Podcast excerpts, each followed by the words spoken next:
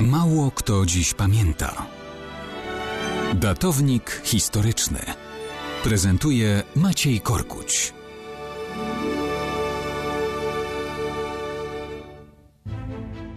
Mało kto dziś pamięta, że tuż przed wojną próbowano odebrać zakonowi Bonifratrów w Krakowie prawo wyrywania zębów. Zakon, który działał w tym mieście nieprzerwanie od 1609 roku, zawsze skupiony był na niesieniu pomocy chorym, cierpiącym i ubogim.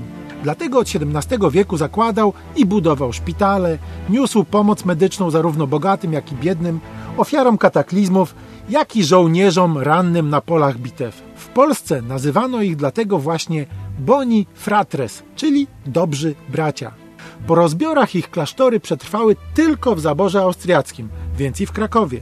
W wolnej Polsce dopiero odbudowywali zakonnicy szpitale w różnych regionach, a w Krakowie działali nadal nieprzerwanie. I właśnie nieśli także pomoc dentystyczną. Ci, którzy pieniądze mieli za wyrwanie zęba przed wojną, płacili od 20 do 50 groszy. Bezrobotnym, biednym zabiegi takie świadczono bezpłatnie. Nie podobało to się Izbie Dentystyczno-Lekarskiej, która wymusiła zamknięcie ambulatorium dentystycznego w 1939 roku. Ale to była jeszcze wolna Polska. Ludzie zaczęli protestować i zaledwie po kilku dniach zabiegi dentystyczne bonifratrzy znowu mogli serwować. Gorzej było później, w czasach rządów Niemców i komunistów. Niemcy likwidowali szpitale bonifratrów, chociaż ten jeden, krakowski, pozostawili. Natomiast komuniści po 1945 roku już nie robili wyjątków.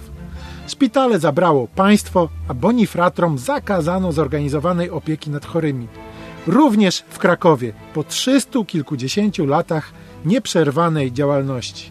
Na szczęście od lat 90.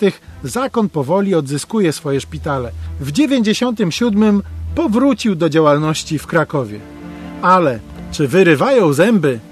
Nie sprawdzałem.